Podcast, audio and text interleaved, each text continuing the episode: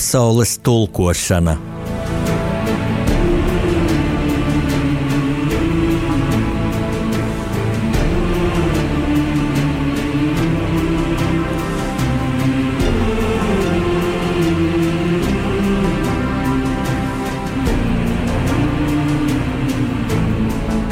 Studijā rakstnieks Jānis Udris.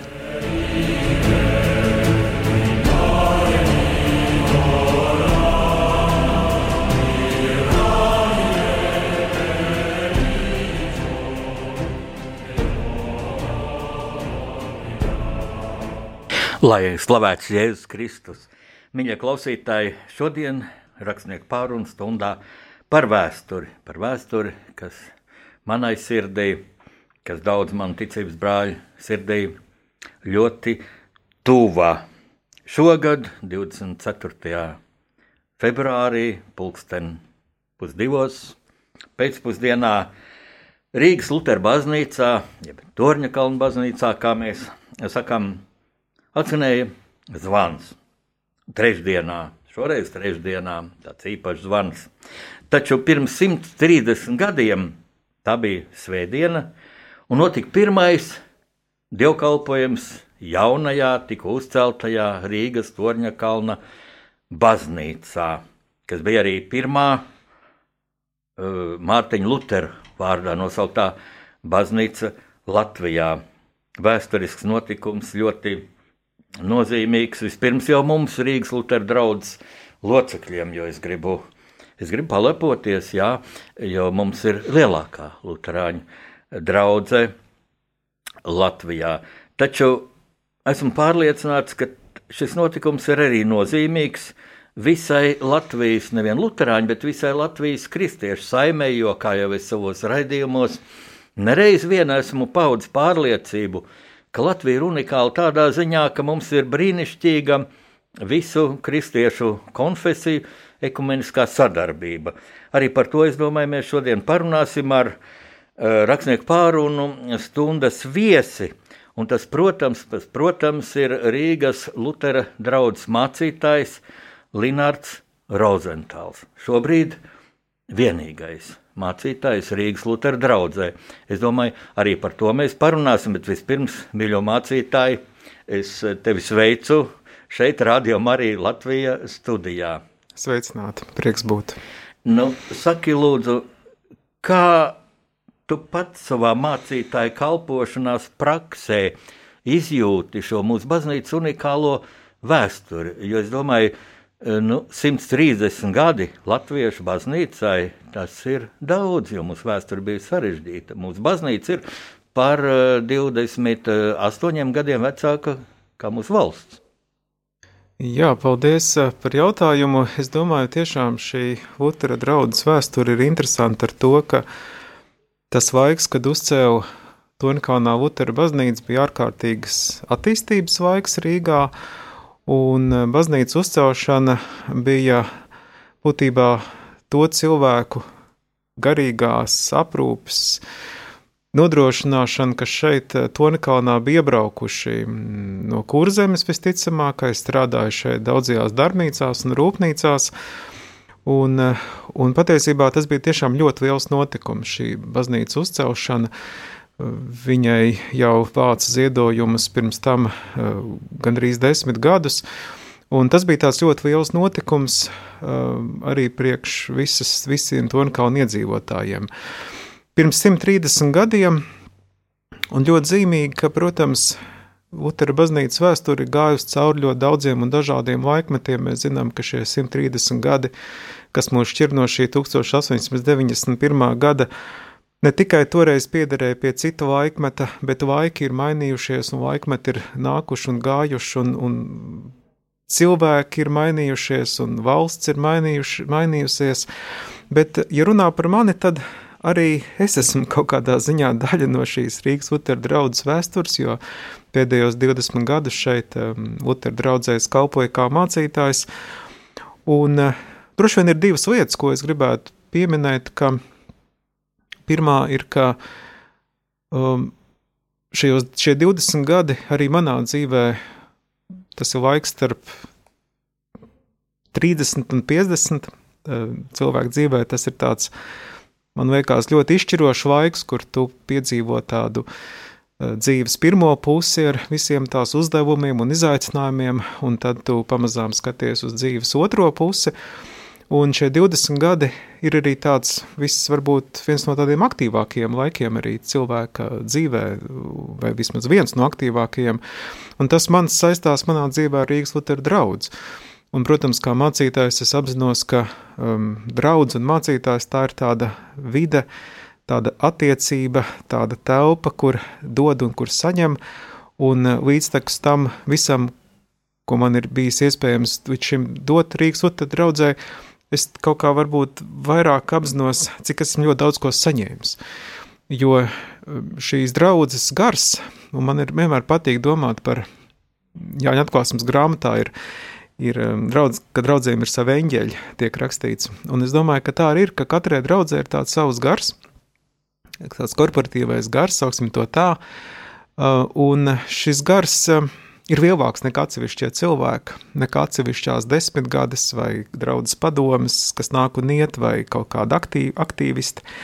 Tas ir gars, ko veido, kas veidojas caur paudzēm. Uh, caur visiem tiem cilvēkiem, kas um, šajā draudzē ir nākuši un gājuši, kas ir te piederējuši, caur visiem tiem mācītājiem un teologiem visos šajos laikos. Un kaut kādā ziņā šis otrā draudzes gars man ir vienmēr licies tāds tuvs un simpātisks, pat vēl pirms, kad es biju šeit mācītājs. Un, un man ir prieks, ka, ka es esmu varējis ar to savu dzīvi, ar tādu savu aicinājumu un kalpošanu, es esmu varējis tā kā pieskaņoties šim garam, ieiet tajā, tajā simfonijā, tajā skaņdarbā un, un arī mēģināt spēlēt līdzi un radīt kaut ko jaunu. Un tas, es domāju, ļoti būtiski, jo, jo tas, tas, stāsts par draugu ir lielāks nekā tikai par atsevišķiem cilvēkiem. Un lielākā dāvana, kas ir, ka tu uztver to garu, tu viņu, tu viņu sajūti ar savu dvēseli, viņš, viņš kļūst par daļu no tavas ticības. Un tā nu, tas ir iznācis, ka es domāju, šo vēstures faktoru un šo garu, kas ir veidojies jau 130 gadus, varētu sacīt, ka tas pieder arī pie tāda mana dzīves gara, pie tāda mana ticības spēka un iedvesmas. Tāpēc es esmu ļoti, ļoti pateicīgs Lutera draudzēji par visu, ko esmu varējis līdz šim te piedzīvot. Jā, liels paldies par šo atbildi. Mm, teikšu, man tā bija negaidīta, jo tu pavēri tādu, mm, nu, savu dvēseles atvilknīt, ja, par kur es faktiski nebiju padomājis. Es esmu ierindas mm, eh, draudzes loceklis, 25 gadus, jo man šogad pupola svētdienā būs 4. gadsimts kopš jūras rubens man iesvētīja, bet baznīcā es nācu mūsu Tornkalnu baznīcā mm, arī pirms tam. Un nāca, un, un tad vienreiz Juris Rubens man uzrunāja pēc dievkalpojuma, uh, ielūdza pie sevis mājā, viņš to laiku turpat blakus dzīvoja, draudz tajā vecajā namā. Un uh, Un viņš teica, es tā vēroju, ka jums tāda nopietna attieksme ir. Es teicu, bet kā tas savādāk? Tā taču ir baznīca, lai nu kur, bet tur jābūt nopietnai attieksmei. Bet visus šos 25 gadus es jūtu, ka es iegūstu, un tāpēc es nācu. Ja? Un, un nāku uz mūsu baznīcu, un, un tagad attālinātos dievkalpojumus klausos. Un, bet nu, man varbūt vēl speci, specifiski rakstniekam manos trīs, trīs, ne četros romānos figūrē Torņkalna baznīca, kad eh, risinās notikumi, un tas pat nav izdomāts, jo man varoņi ir dzīvojuši Torņa kalnā, gan Ivāna Dekaja, gan, gan Anna, Zikfrīds Anna Meirovics jaunībā ir dzīvojuši Torņa kalnā, un tad, nu, loģiski, ka viņi, kad bija iemīlējušies, taigai parkādīs parku un uzkāpa pa Torņa kalna baznīcas um, kāpnītēm, un šeit arī iesvētījās, un šeit arī laulājās, bet uh, man likās, Nu, jā, es uztvēru mācītāju vienmēr, kurš dod, bet tagad saka tā, ja arī tu gūsti, tad tā ir tāda, nu, enerģijas, dvēseliskuma apmaiņa, ja tu arī gūsti no šīs baznīcas un arī no draudzes locekļiem. Jā, noteikti. Nu, tā ir miedarbība. Es tā arī redzu to, kas ir draudze. Man šķiet, ka apustulis Pāvils to tik skaisti ir aprakstījis, ka draudze ir kā tāds viens organisms, kur katra tā organisma daļa, viņa, protams, katra ir mazliet savādāka, savu uzdevumu un savu funkciju, bet ka viņi piedara kaut kādam vienam veselumam, Un, un tādā ziņā neapšaubām, ka runa šeit ir par tādu savstarpējo došanu, ņemšanu, pa miedarbošanos. Katrs mēs kalpojam ar savām dāvanām. Un tas un nav neviena dāvana lielāka, vai, vai zemāka, vai sliktāka, vai pareizāka. Līdz ar to es domāju, tur arī slēpjas tāds varbūt draudz ilgmūžības noslēpums, um, kur arī mēs skatāmies kādās vēstures lapusēs, piemēram, ir viena tāda fotografija, kur padomu laikā mācītais Vils Augskauns uzreiz pēc draudzes tauks, kā redzams, tagad mācītā istabā. Viņam ir tāds gauts, tur tāds spainis ar zupu, un tur ir tautsinieki apkārt kaut kādi pieci vai seši, nu pat ir tauka beigusies, un visi ļoti priecīgi.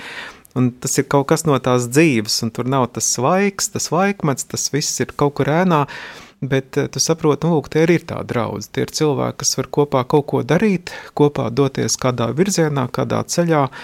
Um, jā, un, un tā ir tā sajūta, šī piederības sajūta, kas man šķiet tik ļoti ir svarīgi eh, jebkurā laikā, jebkuram cilvēkam.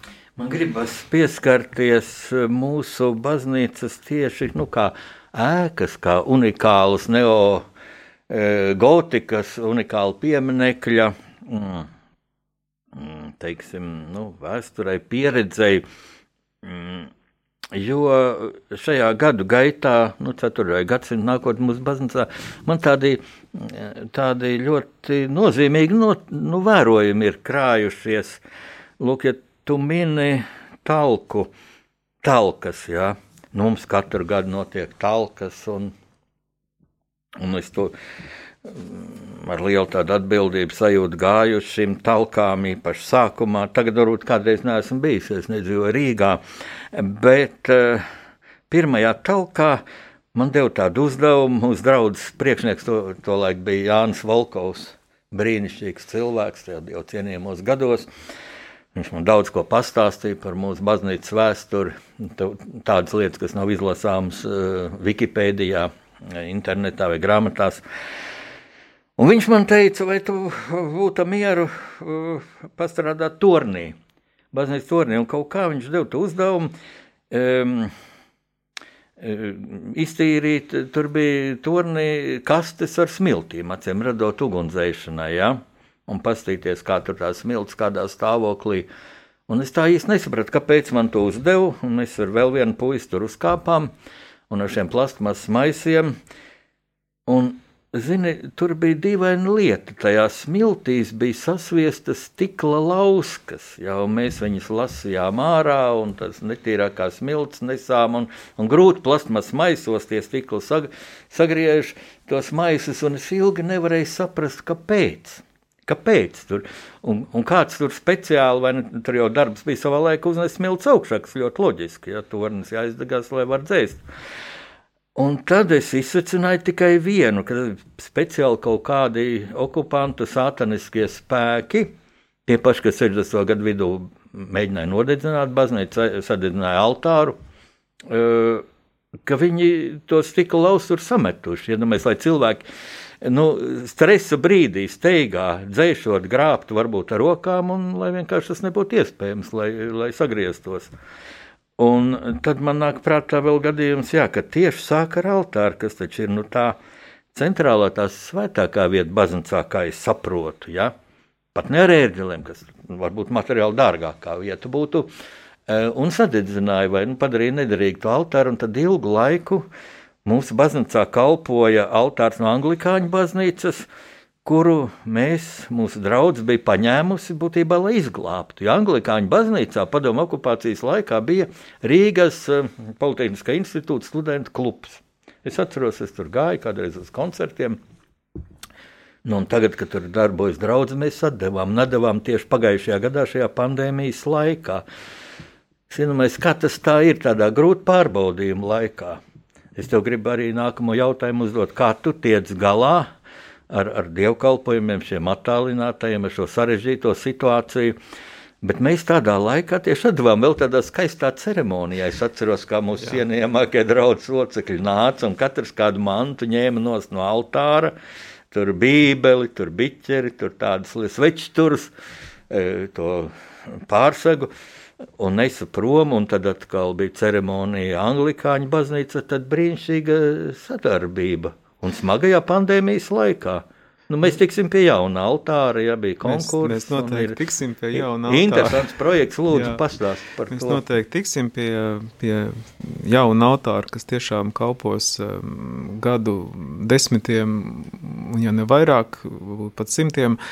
Bet es domāju, jā, ka mēs, kas varbūt ļoti klausītājiem varbūt ir zināms vairāk šī altāra radošana un anglikāņu baznīcas altāra stāsts, ka viņš pie mums vairāk kā 50 gadus bija un kalpoja mums. Mēs arī ļoti apzināti sapratām, ka te nav runa par kaut kādām tik daudz skumjām un bēdām, ka mums jādod ir altārs. Protams, tur bija, tas bija skumīgi, un, un ja mēs no kaut kā šķiramies, kas mums ir kalpojis tik ilgi, Un daudziem tas tiešām ir tā, ir tā vieta, kur ir notikuši viņu dzīves, tādi lielākie notikumi, lielākās arī varbūt garīgās pieredzes. Bet eh, mums gribējās to eh, arī tā izjust, ka mēs viņu laižam vaļā. Mēs viņu, mēs viņu palaidām tajā ceļā, būtībā uz tām mājām, no kurām viņš ir nācis. Es ļoti labi atceros, ka eh, svētdien mēs no altāra noņēmām dievkalpojumā visus tos elementus, gan krustu, gan bībeli, gan, gan svečturs, viss, kas, kas, kas nepiederēja pašam tam altārim. Un tad pirmdien viņu pārved uz anglikāņiem, un jau vakarā viņu uzstādīja. Un tad, kad pirmdienas vakarā es skatījos to fotografiju, kur viņš stāv tajā vietā, kur viņš ir, kas ir viņa vieta, tad to nevarēja neredzēt, cik ļoti viņš tur iedarās. Tā ir viņa vieta. Tas autārs ir būvēts Šēmkaņa baznīcai, tai vietai, kurā viņš tagad atrodas. Bet, ja runā par šo te laiku, kas, protams, mums nav pārāk viegls un nav pārāk vienkāršs visai mūsu sabiedrībai, viss šis gads, protams, arī baznīcai, tad man, protams, arī tagad mazliet paskatoties arī kādos vēstures materiālos, nākās redzēt, ka Baznīca, Lutera baznīca šajos 130 gados ir gājusi cauri ļoti sarežģītiem periodiem, ļoti grūtiem laikiem, kaut kādā ziņā arī varbūt daudz, daudz grūtākiem nekā tas, kurā mēs šobrīd esam. Piemēram, pēc Pirmā pasaules kara, eh, kas bija tāds ļoti lielu saviļņojumu laiks, jo draudzes vadība bija jāpārņem pašai draudzēji, mainījās visa lielās baznīcas struktūra. Baznīca bija ārkārtīgi cietusi Pirmā pasaules kara laikā. Nu, posteži tur valdīja iekšpusē, kā var spriest no draudzes padomas protokoliem. Naudas nebija nemaz. Un nāca mācīties Jānis Birģevs, kurš mēģināja tad pulcināt kādus aktīvistus un cilvēkus, un apmēram 5-6 gadu laikā tas tiešām ļoti, ļoti labi izdevās kaut kā visu šīs lietas sakārtot, un tad vēl arī kaut vai Latvijas brīvās laikā, kur baznīcā nebija apkuri. Un, un bija mīnus 10 grādi ziemā, un visiem sāva, un tad tiešām tas, bija, tas ir dramatiski redzēt, kā tik daudz nemēģināja visdažādākos veidošo jautājumu risināt, un beigās 37. gadā ir pat saglabājusies tāda ļoti unikāla vēstule Kārvi Mūmanim, kur tādā autoritārā režīma uh, stilā tiek, tiek viņam rakstīts uh, par to, kādas šausmas valda Tonkalnā, kur ir augsts, un, un kur vienkārši nevar izturēt, un kad tad, tad tā saule iespīd arī, arī Tonkalna baznīcā un cilvēkiem ir silts. Un, protams, arī padomu laiks, eh, kas bija nesalīdzinām lielāku pārbaudījumu un izaicinājumu laiks nekā tas, kurā mēs tagad dzīvojam. Un, protams, ka tu tā paskaties uz šo vēsturi, un šobrīd arī ir tā, ka draudzes centrā mēs esam nolikuši uz draudzes centra altāru. Mums draudzes namā ir tāds skaists altārs, kas ir piekārts pie griestiem, viņš nāk no debesīm, no jaunās Jeruzalemes, kā mēs sakam, un tur esmu savīts vēstures materiāls, uzticēdams to visu vēsturi Dievam, un kad tu tā skaties, tas tā kā relativizē arī tā šīs dienas. Kaut kādas grūtības un šīs dienas jautājums un kaut kādas varbūt neatrisināmās, eh, neatrisināmās lietas, un tas tad pilnīgi savādāk ļauj kaut kā izjust tādu dzīves spara, stiegruma, izturības stīgu, un tu arī saproti, ka tā draudze pieder Dievam, ka ne jau mēs viņu paši konstruējam, ne jau mēs tur viņu glābjam, ne jau mēs, tas viss ir mūsu rokās, un vienlaikus tās mūsu rokas ir kaut kādās lielākās rokās, un tu rīkojies, tu dari, tu uzticies. To, ko tu vari, to, ko tu spēj, tajās robežās, kas ir iespējams, bet tu arī apzinājies, nu, ka tas ir kādās lielākās rokās, un ne tikai tādās rokās, kas kaut kur tevi kaut kā nes, bet viņas, viņas ir radošas rokas, tas veido, tur kaut kas rodas. Uh, un tas varbūt arī ir, ar ko mēs šo sarunu sākām, ka kādreiz mums liekas, es kaut ko darīšu, es tur palīdzēšu, es tur došu, bet tad, kad tu sāc šo sekošanas ceļu, tu redzi, ka tas pats ceļš daudz vairāk palīdz tev ka ir kaut kas, ko tu saņem, kas tevi veido. Un, un to mēs arī, es domāju, šajā pandēmijas laikā ļoti, ļoti izjūtam, ka šis pats laiks tev liek domāt savādāk, uzdrīkstēties darīt to, ko tu iepriekš neesi darījis, meklēt risinājumus, saprast, ko mēs varam. Vai tiešām mēs vairs neko nevaram? Nē, nē, mēs ļoti daudz ko varam. Mēs varam varbūt pat kaut kādā ziņā daudz enerģiskāk, daudz, daudz iedvesmotāk nekā, nekā līdz šim. Dargo mācītāji, es tagad gribu pieteikt muzikālu pauzi, un tā sasauksies ar tiem vārdiem, ko tu teici, ka darīt kaut ko tā kā, kas vēl nav darīts šajā īpašajā laikā. Šī muzika būs fragments no mūsu baznīcas, no, no mūsu draudzes 31. janvāra dievkalpojuma. Varbūt neparasta. Tu piekrīti? Varbūt. Jā. Lūdzu, klausamies!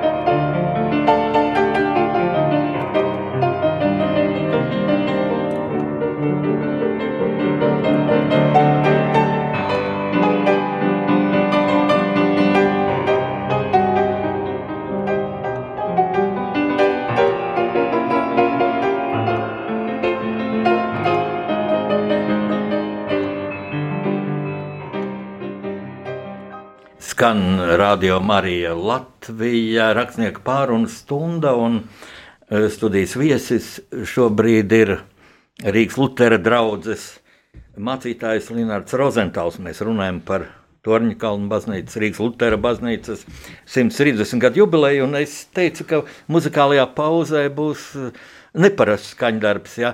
E, nu, acīm redzot, klausītāji man piekritīs, nu, ja fragments, muzikāls fragments no dievkalpojuma, jābūt ērģelēm. Šeit bija klavieres, un mūsu dievkalpojumos skan bieži arī ģitāra, slavenais Kaspars Zemīts. Viņa kundze dzied, un ne tikai viņa ir soliste, vokāliste mūsu baznīcā. Ir skanējušas koklis, Tā kā nekāda kanona šeit, mums Lutāņu baznīcā nav. Ja? Nu, ērģeles tā ir, ka nebija ērģeles specifiska situācija, laikam, jo mūsu ērģeles ir remontā, restaurācijā. Lūdzu, mācītāji, pastāstu par jā, to nu šobrīd... tuvāk. Un, un par tām, ne, un, jā, un šis bija tātad Ziemassvētku cikla noslēguma dievkalpojums 31. janvārī Arī ne visās Lutāņu baznīcās tas tā notiek. Es pat tā kā nebiju dzirdējis īsti. Man pārsteidz toreiz. Jā, nu, jā nē, nu, mūzikas, mūzikas dažādība man liekas ir eh, jau arī tad, kad dievkalpojumi mums notika viss klātienē, to mēs varējām redzēt. Bet, nu, protams, katrā dievkalpojumā bija ērģelis šobrīd. Cits starpā arī, kad mums ir jāveido šie tiešsaistes dievkalpojumi, ko mēs raidām no baznīcas, paverās daudz lielāka iespēja uh, mūzikas dažādībai. Un arī tāpēc, ka, arī tāpēc, ka kā teikt, arī tiešsaistes dievkalpojumā tā, tā kancela mainās, jo mācītājs vada dievkalpojumu zūmā, un tad um, tas var notikt no vienas vietas baznīcā vai no kādas citas. Tas vairāk tiek pieskaņots tam, kāda, kāda mūzika šajā dievkalpojumā ir.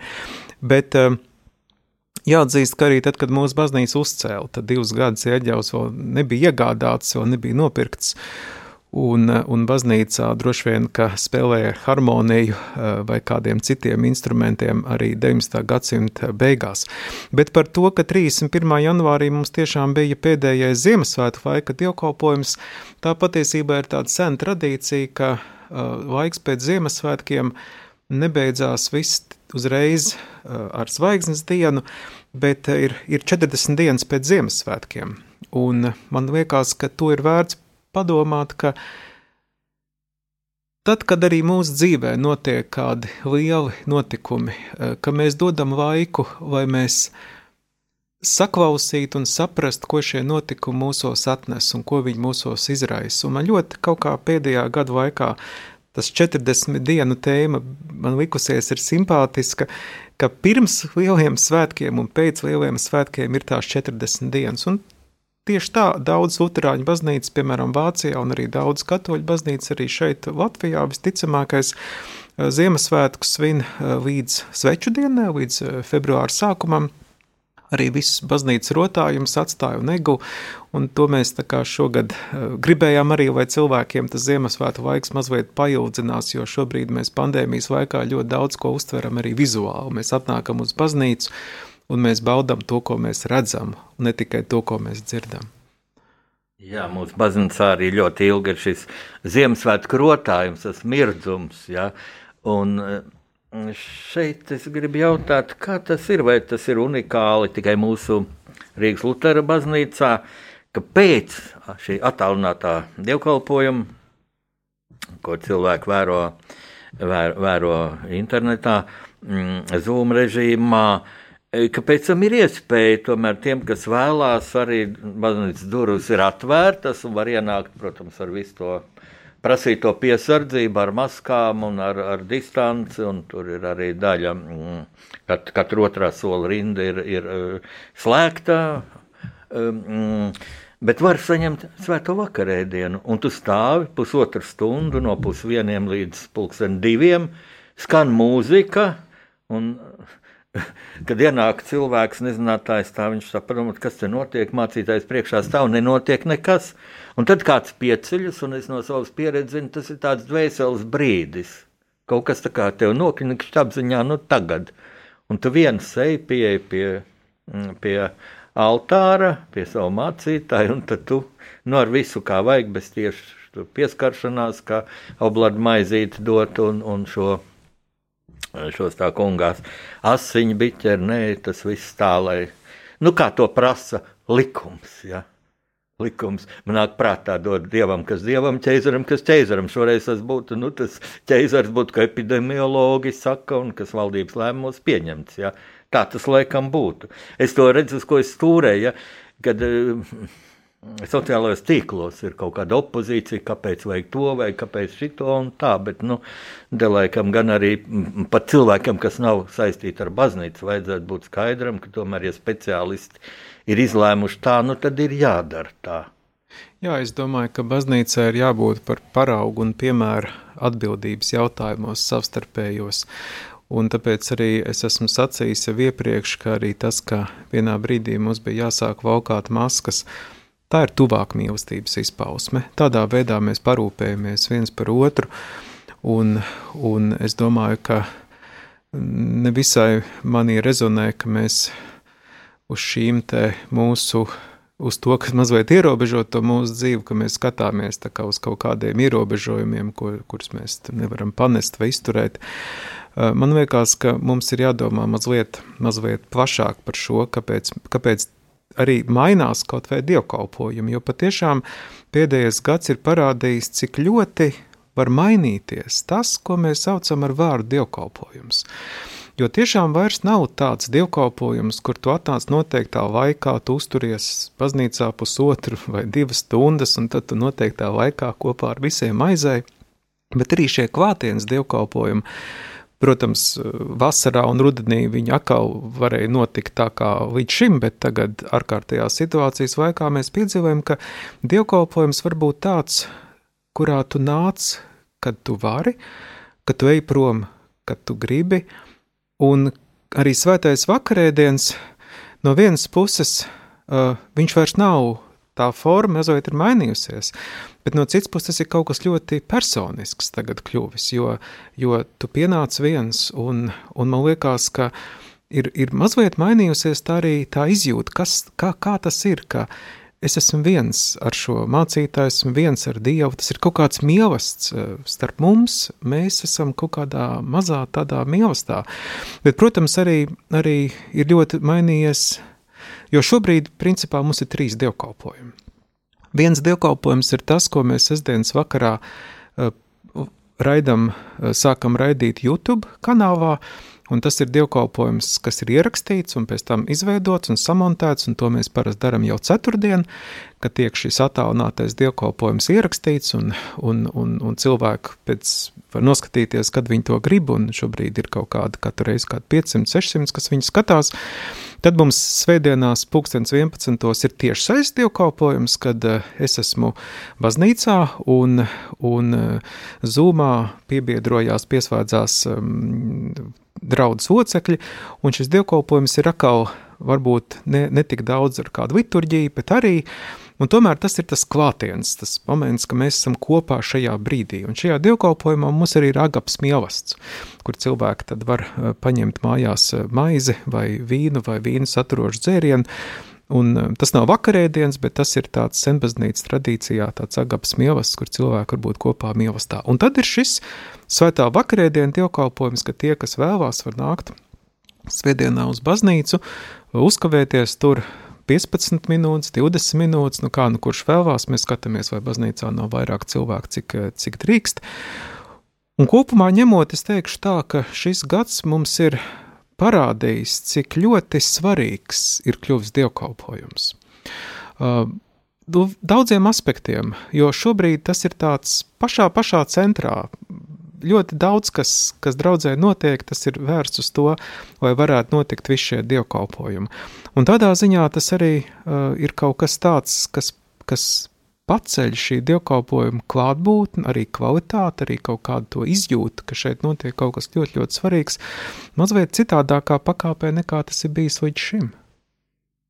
Tā kā šim laikam es esmu kaut kādā ziņā pateicīgs, ka viņš vismaz no tāda manas, manas skatījuma, viņš, viņš atjauno dievkalpojuma vērtību, katras mūsu sastapšanās vērtību, katra brīža vērtību, kur mēs varam kaut ko viens no otra saņemt un viens otram kaut ko dot. Un tas ir kaut kas mazliet jauns. Tas tā vairs nav tāda, varbūt garām skrienoša kādreiz rutīna, kur mēs tur skrienam, skrienam, kaut ko darām, bet te ir tas, tie apstāšanās brīži, tie klusuma brīži, tie brīži ir daudz, daudz tādi dziļāki, varbūt personiskāki dziļāki, personiskāki. Man liekas, mm, šos vārdus varētu attiecināt uz mūsu Lutera draugu kopumā. Kāpēc es to saku? Nu, visās draudzēs droši vien ir, ir pārdomāts, ko dara tā, bet mūsu draudzene kaut kā ir tādā īpašā uzmanības centrā jau gadiem. Jā, dažkārt arī spekulatīvi uzmanības centrā, publiskajā telpā, jā, publiskajos me medijos, sociālajos tīklos diskusijas, bieži vien dažādas muļķības tiek sarakstīts, jā, nu, kas, kam negadās. Es nedomāju, ka cilvēki, kas kaut ko kritiski raksta, vienmēr padomātu. Īpaši anonīmie komentētāji, un kāda tikai tur brīnuma nav. Bet mūsu baznīcā ir arī šajā pandēmijas laikā ir tādi novatoriski tādi tādi pasākumi, tādi soļi, kurus, es domāju, varētu vērtēt tikai viennozīmīgi pozitīvi. Ja? Mēs meklējam kaut kādas jaunas formas, bet dažkārt mm, atrodas kaut kāda apgalvo, ka mēs arī jaunu saturu kristietībā ieliekot, ja, piemēram, kritizēja nu, mm, kristīgo meditāciju, ko vadīja Induls Paičs ar ārkārtīgi dziļiem, interesantiem priekšlasījumiem. Man ļoti žēl, ka viņš vairāk nav. Varbūt tu kā kolēģis zini, Induls ir aizgājis no mūsu baznīcas, bet varbūt pēc šīs pandēmijas viņš varētu turpināt šo meditācijas ciklu, kas būtu brīnišķīgi pa, uh, paralēla kristīgā dzīve mūsu brīnišķīgajā draugu centrā, ko mēs esam uzcēluši šajos gados, man acis priekšā, kopš es iesvētījos, un, daudz neticēja. Kā tā var? Pat apšaubīja, vai mums pietiks līdzekļu, lai vitrāžu restaurētu un, un pulksteni iekustinātu atkal. Nu tā, mēs uzcēlam brīnišķīgu draugu centru. Bet kur ir tā robeža starp tādu? Zini, es teiktu, varbūt tādu pozitīvu konservatīvismu, kas man ļoti patīk. Nu, teiksim, šīs diskusijas, kas ir pasaulē, nu, vai varbūt sieviete mācītāji. Un es zinu, daudzas sievietes beidz teoloģijas fakultāti, saka, nu, kādas muļķības, nu, nedrīkst būt, nu, nedrīkst būt pretrunā ar bībeli, ja? Nu, tas ir kā jau izrunāts temats, bet, nu, teiksim, homoseksuālisms. Neviens taču, vai mūsu baznīca viņus vajā, bet nu, es negribētu, lai lai, lai teiksim, mācītājs no kanceles sludina to. Es negribētu, un es neļautu saviem bērniem, saviem mazbērniem to nu, jā, klausīties, jo tās ir muļķības. Tas ir mans personīgais ieskats. Kā tas ir? Kur ir šī robeža? Mums reizēm pārmet lielu konservatīvismu, reizēm atkal kaut kādu brīvdomību, un tev milzīga atbildība tev to izsvērt. Ja vairāk tādēļ, ka tas ir vien, viens mācītājs. Ja? Solis pa labi, solis pa kreisi, Kāds kritizēs? Nu, jā, protams, vienmēr būs cilvēki, kas, um, kas um, kritizē un kas uh, atkal nekritizē, bet es domāju, ka ir viens, protams, ļoti būtisks tāds kritērijs un varbūt arī uh, avots, kāpēc vispār mēs kaut ko darām un kā darām, vai kaut ko sakam, vai kā sakam. Un tas ir tas uh, Nu jā, tas ir tas, kas mums visiem ir saistoši, proti, ir mūsu svētie raksti. Un uh, ir ļoti svarīgi uh, apzināties, ka, ka Bībele ir viena teksti, kur ļoti bieži uh, ir tikai lietojami interpretējot tos. Um, un šīs interpretācijas var būt uh, dažādas jo arī šī dažādība, man liekas, gan ir vērojama pašā baznīcā, kā mēs zinām, baznīca nav tāda vienveidīga, viņa pati sastāv no dažādiem, dažādām konfesijām, dažādām perspektīvām, dažādiem skatiem, un lielā mērā šī, šī dažādība veidojās no tā, ka mēs varam uz Bībeles tekstiem paskatīties no dažādām pusēm, un kā pēdējā konsekvencē būtu ļoti grūti kādam sacīt, ka lūk, tas, kā es skatos uz šo Bībeles tekstu, tad tas, tas izslēdz visas pārējās iespējas, kā mēs varam šo tekstu saprast. Un runa jau ir arī par to kontekstu, kurā viens vai cits teksts ir radies un nolūks, kāpēc viņš ir tieši tā rakstīts un tā. Bet es domāju, ka arī pati Bībele ir tāds interesants tekstu krājums, kuras gēnos ir šī dažādība ielikta. Piemēram, mums ir četri evaņģēliji. Nu, kāpēc gan nevarētu būt viens? Vai tiešām šiem jaunās derības veidotājiem nevarēja tā ienākt prātā, ka vajadzētu kaut kā to visu apkopot vienā, un kāpēc vajag četrus? Bet tas ir interesanti, tas, tas ir apdomājami, ka mūsu svētie raksti satur četrus skatījumus, četras perspektīvas no dažādiem gadu desmitiem, no dažādiem cilvēkiem, no dažādām draudzēm skatījums uz Jēzu. Un tas ir ļoti interesanti. Jā, tieši tā. Tieši tā, pati Bībele mūsu svētie, svētajos rakstos ir šis dažādības gēns ir ielikts. Un tas, tas ir mums tāds izaicinājums un arī lielā mērā uzdevums.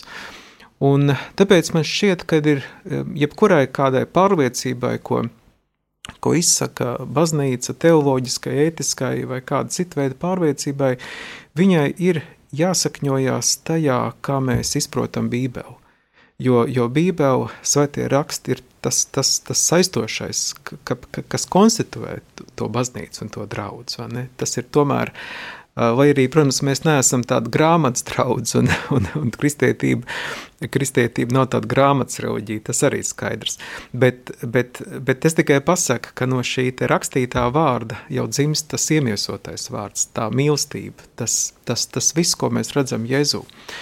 Un, un tas man šķiet ļoti būtiski, ka, ka, ka tajā, ko sudina baznīca, ka viņi stāv uh, ka viņi spēj to interpretēt un pamatot Bībeles perspektīvā. Un tajā pat laikā arī apzinoties, ka ir dažādas perspektīvas. Mēs dažādi varam uz lietām paskatīties, un, un tad tas nākamais solis ir, kā veidot attiecības starp šiem dažādiem skatījumiem. Kā tie četri evaņģīliji var būt vienos vākos, ka viņi nav viens otru kaut kā iztūmuši vai, vai aizbīdījuši malā, bet ka tas viss var sadzīvot. Un tāpēc, piemēram, viena tāda tēma, kas man šo, šogad, šī, šī gada sākumā likās tāda būtiska atgādināt, ka ka baznīcai ir jādzīvo tādā noā šķirsta garā. Jo noā šķirstā tur bija visi, kas tur bija no katras sugas pa divi. Um, tur bija ļoti dažāda tā kompānija, un tad tur bija ļoti, es domāju, viņiem nebija viegli, bet ir viens tāds interesants moments, ka viņi visi izgāja no tā šķirstu laukā tad, kad tie plūdi beidzās. Viss izgāja. Cik ienāca, tik izgāja.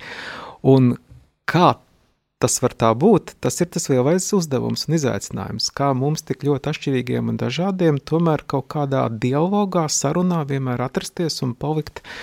Un, un tas ir tāds, nu jā, tas tālu pārspēja draudzes un baznīcas tēmu, tas ir, es domāju, visi cilvēks un cilvēks nākotnes uzdevums. Jā, tagad atkal muzikālā pauze, kurā tas pats um, savādākais, es teikšu, skatījums uz dievkalpojumu mūziku un spēlē mūsu draudzes brīnišķīgā erģelniece, un tagad, kā dzirdam, arī pianiste Ingun Grīnberga jau daudz gadus kalpo mūsu draudzē.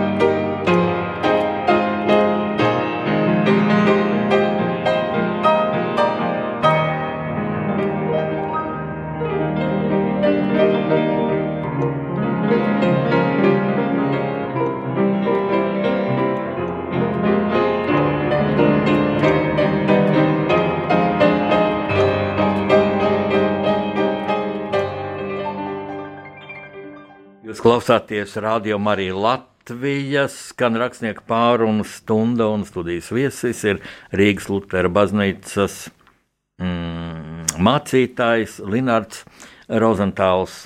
Mēs runājam par Rīgas Lutera baznīcas 130 gadu jubileju, un tagad mums redzījums to es izskaņai, es gribu uzdot tev mm, jautājumu, nu, kas nodarbina visus cilvēkus, visus visā pasaulē, es teiktu, šobrīd. Kāpēc? Tas lielais kāpēc, kāpēc šī pandēmija, šis koronavīrus, un tad e, cilvēki, kas tā nu mīl filozofēt ap kristīgiem jautājumiem, jautā, un es domāju, nu, tas ir, manuprāt, loģiski, ja, kā cilvēki, nu, grūti izprast. Viens no jautājumiem ir tāds, nu, kāpēc Dievs to sūtīja cilvēkiem? Citi prasa, kāpēc Dievs to pieļauj. kādreiz jautājuši par karu, kāpēc Dievs to pieļauj. Ja manā vienā romānā par Meirovicu ir, kur Dievs bija, kad no cepelīniem meta bumbas uz, uz, uz civiliedzīvotājiem. Ja? Un tad tas priesteris atbild, varbūt Dievs tikmēr raudāja. Un es, to, es gribēju parādīt ar to, ka nu, diev, cilvēks dievam līdz ar pasauli devis atbildību, kā cilvēks to pasauli ap, apdzīvo, kā viņš rīkojas. Bet kāda ir tava atbilde? Es domāju, arī perspektīvas uz Dievu, gan Bībelē atrodamās, gan arī uh, novērojamās kādas ir cilvēkiem, viņas ir dažādas. Un bieži vien uh, daudz jautājumi ir labāk izprotami un, un, un pieņemami, ja mēs saprotam, no kāda skata Dievs to, cilvēks to jautā. Jo, jo, protams, ka ja es sagaidu no Dieva, ka viņš šo pasauli diriģēs un izvēlēsies priekš manis tikai to labāko, vai, vai es vienmēr kaut kā izietu cauri bez, kāda, bez kādām grūtībām, vai vienmēr būtu kāds pilvens, kas novikts. Um, tas, protams, ir viens jautājums. Un, un, un no citas puses, sakau, šie kāpēc jautājumi ir ļoti svarīgi, jo, jo kādreiz uh, kaut ko jautāt arī tad, ja mēs nesaņemam tūdaļ atbildi, ir svarīgi šo jautājumu turpināt uzdot un varbūt kādā brīdī uh, atklāsies uh, kaut kas daudz lielāks nekā šis pats jautājums. Es domāju, ka šis laiks mums atklāja, ka šī pasaule patiešām ir uh, ļoti kompleksa un, un nesaprotama. Un mēs, mēs nevaram atrast tādas melnbaltas, tādas viennozīmīgas atbildes. Un savā darbā, kapelāna darbā, slimnīcā, es esmu ļoti bieži saskāries ar šiem neatbildīgiem uzdodamiem jautājumiem, jo, jo šis jautājums nav, un arī, ja kāds, ja kāds, ja kādam būtu tā zelta atbilde, un tagad es jautāju, kāpēc, un man atnāk kāds, un viņš pasaka, jā, es zinu, kāpēc, man ir viss skaidrs, re, kur ir desmit punkti, kāpēc. Man ir tāda izjūta, ka tas, tas nedara. Tas nav tas, ko es gribu, kad es jautāju, kāpēc. Jo tas ir tas, ir tas dvēseles kliedziens, tas ir tā, ir tā sāpe, tas ir tas, ka es nesaprotu. Un, un viena, viena, protams, lieta ir, ka kamēr vēl viss notiek, varbūt nemaz nav iespējams vēl izdarīt kādas tālajošākas secinājumus vai vispārinājumus, jo mēs vēl esam šajā visa tā vidū. Tad, kad tas viss sākās, likās, jā, tūlīt tas tūlīt beigsies, mēs iziesim no šitā visa gudrāk un labāk un neskādi, bet tad mēs, tad mēs sākām domāt, kā mēs vispār varam no šitā visa iziet. Un tagad, eh, kad tas ir iejauts, un mēs arī nezinām, cik ilgi vēl tas iejauks, eh, varbūt pat labāk ir, ka mēs nevis turpinām tā no malas uz to visu skatīties un jautāt, kāpēc tas tā un kāpēc tas šitā, bet drīzāk, ko tas, ko tas ar mani dara? Vai tas mani neveido par kādu citādāku cilvēku. Varbūt ir kaut kas, kam es varu pievērsties vairāk nekā, nekā līdz šim. Un es domāju, ir ļoti daudz tādu momentu, kas, ko šis laiks ir kā, ka, kam ir licis pievērst mums uzmanību. Tas ir kaut kāda, nu, jā, arī. Arī kaut kādas attiecību jautājums vai kaut kādas lielās dzīves tēmas, kas ir parādījušās daudzos cilvēkos. Es tiešām nedomāju, ka uh, Dievs šo mums ir uzsūtījis, vai tas būtu kāds dieva sots, eh, pat varbūt ne brīdinājums. Bet tas ir jautājums drīzāk, kā es to uztveru. Ko tas ir, kas tas ir priekš manis? Ko tas man saka? Eh, kā es varu šo krīzi, šo laiku, ko es ar viņu varu darīt, kaut ko tādu, vai, vai es, um, vai es kaut kādā ziņā kaut ko iemācītos. Ko šis laiks man vēstīja? Jo šis laiks, tagad pats laiks, pats, pati viss šī noris ir kaut kāda balss, kas man grib kaut ko sacīt. Bet kas ir svarīgi, ka es vienmēr atceros, ka tiešām viss ir Dieva rokās. Tas nozīmē, ka, ka arī visu laiku ir viņa rokās, un, un viņš kopā ar mums nes šo laiku. Un, un kaut kādā ziņā, jā, viņš kopā ar mums raud, un kaut kādā veidā viņš ar mums smējās. Uh, Viņš nav taipus visam, kas notiek, bet viņš ir ar mums. Un tad man rodās kāds spēks, ka es varu iet arī laikiem cauri, kas varbūt nav tie, kurus es būtu gribējis savā dzīvē redzēt. Es tevi klausos, un nu, teikšu, ka ir klausos un apbrīnoju. Tu zini, mm, ko tev ir jādara kā mācītājam, kā cilvēkam, kā dieva radībai. Un, un tev ir arī, nu, tev ir arī lauks, jā, platforms, kur to darīt. Brīnišķīgā mūsu baznīca, Rīgas Lutera draudzene Tu visu to dari, bet par ko es brīnos, kā tu to spēj paveikt. Jo nu, mums bija baznīcā trīs mācītāji, faktiski laikam Induls Paičs. Tas ir daudz presē jau nu, medijos ap, nu, apspriests, ja cilvēki būs lietas kursā liela daļa. Viņš jau tā kā aizgāja zinātnē, varēja just kaut kur kādus divus gadus, bet tagad pagājušajā gadā vasarā aizgāja arī arī otrs mācītājs, eh, Kaspars. Tu paliki viens, ja, un šajā ļoti grūtajā, sarežģītajā laikā, kad vajag darīt pilnīgi savādāk, pilnīgi pagriezt. Es atceros, kas pats vēl pirms aiziešanas viņš bija uzsācis šos attālinātos dievkalpojumus. Interesantā veidā, man liekas, varēja patikt, varēja nepatikt. Viņš mēģināja, viņš kā no dažādām baznīcas vietām, ja uzkā pērdelēm, ērdeļu tajā balkonā, aiziet aiz altāra, kā altāram aiz muguri izskatās tā. Man dalīts jūtas pret to bija, bet katrā ziņā cilvēks mēģināja, man likās, lūk, kur ir un pēkšņi izdeidzis. Nu, es esmu par dumi, lai to saprastu, jo man liekas, nu, ja mācītājs izdeg, bet kur tad ies tas parastais cilvēks, jo mācītājs ņem kā gribi. Nu, mācītājs, es, es nevaru teikt, mācītājs ir parasts cilvēks.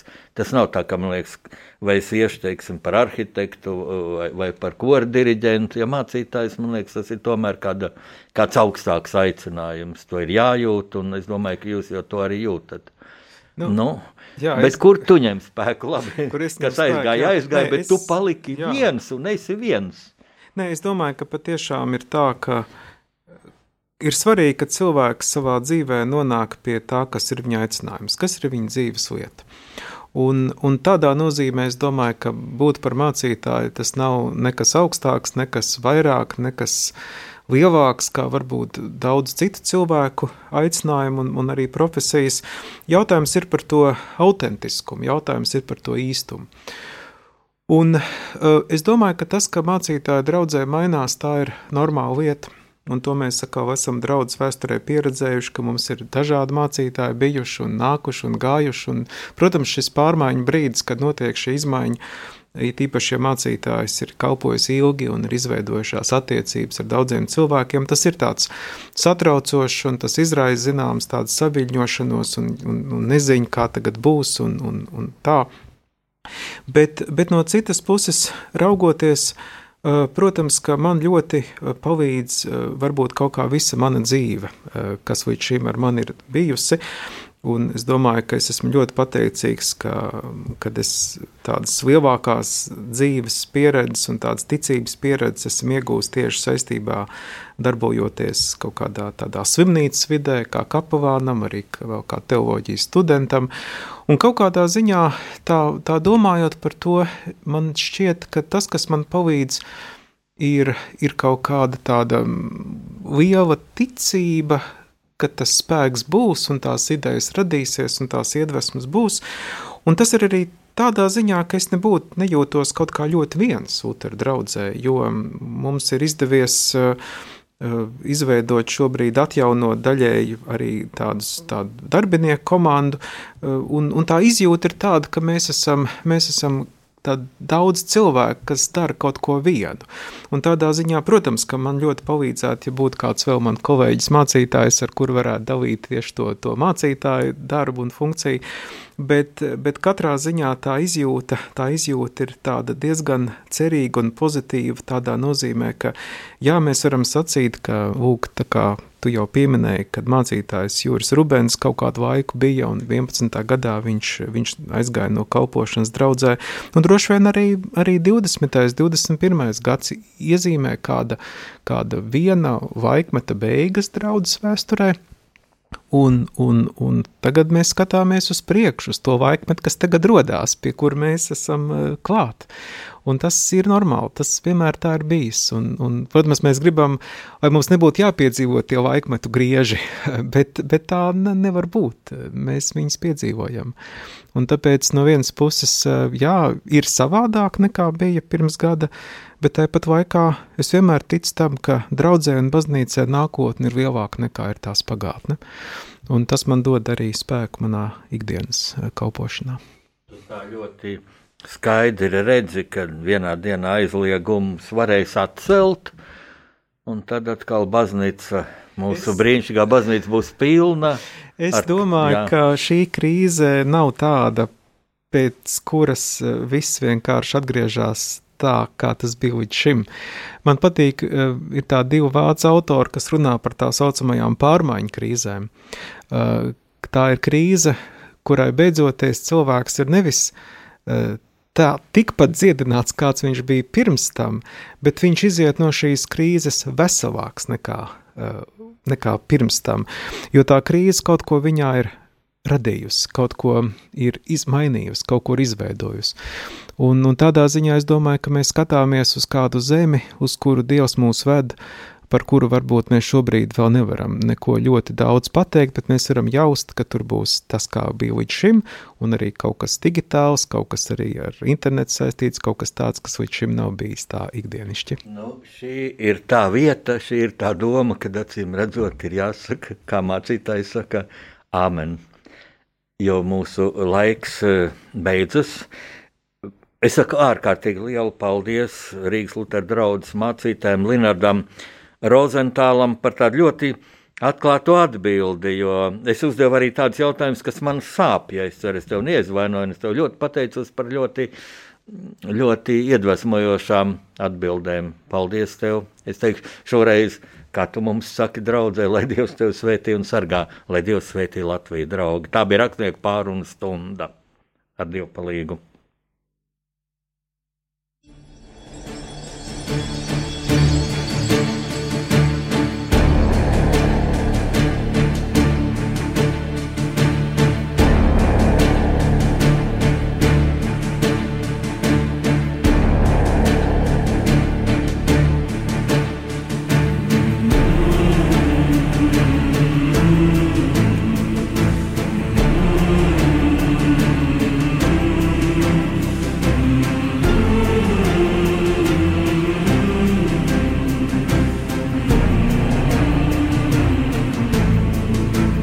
Pasaules tulkošana.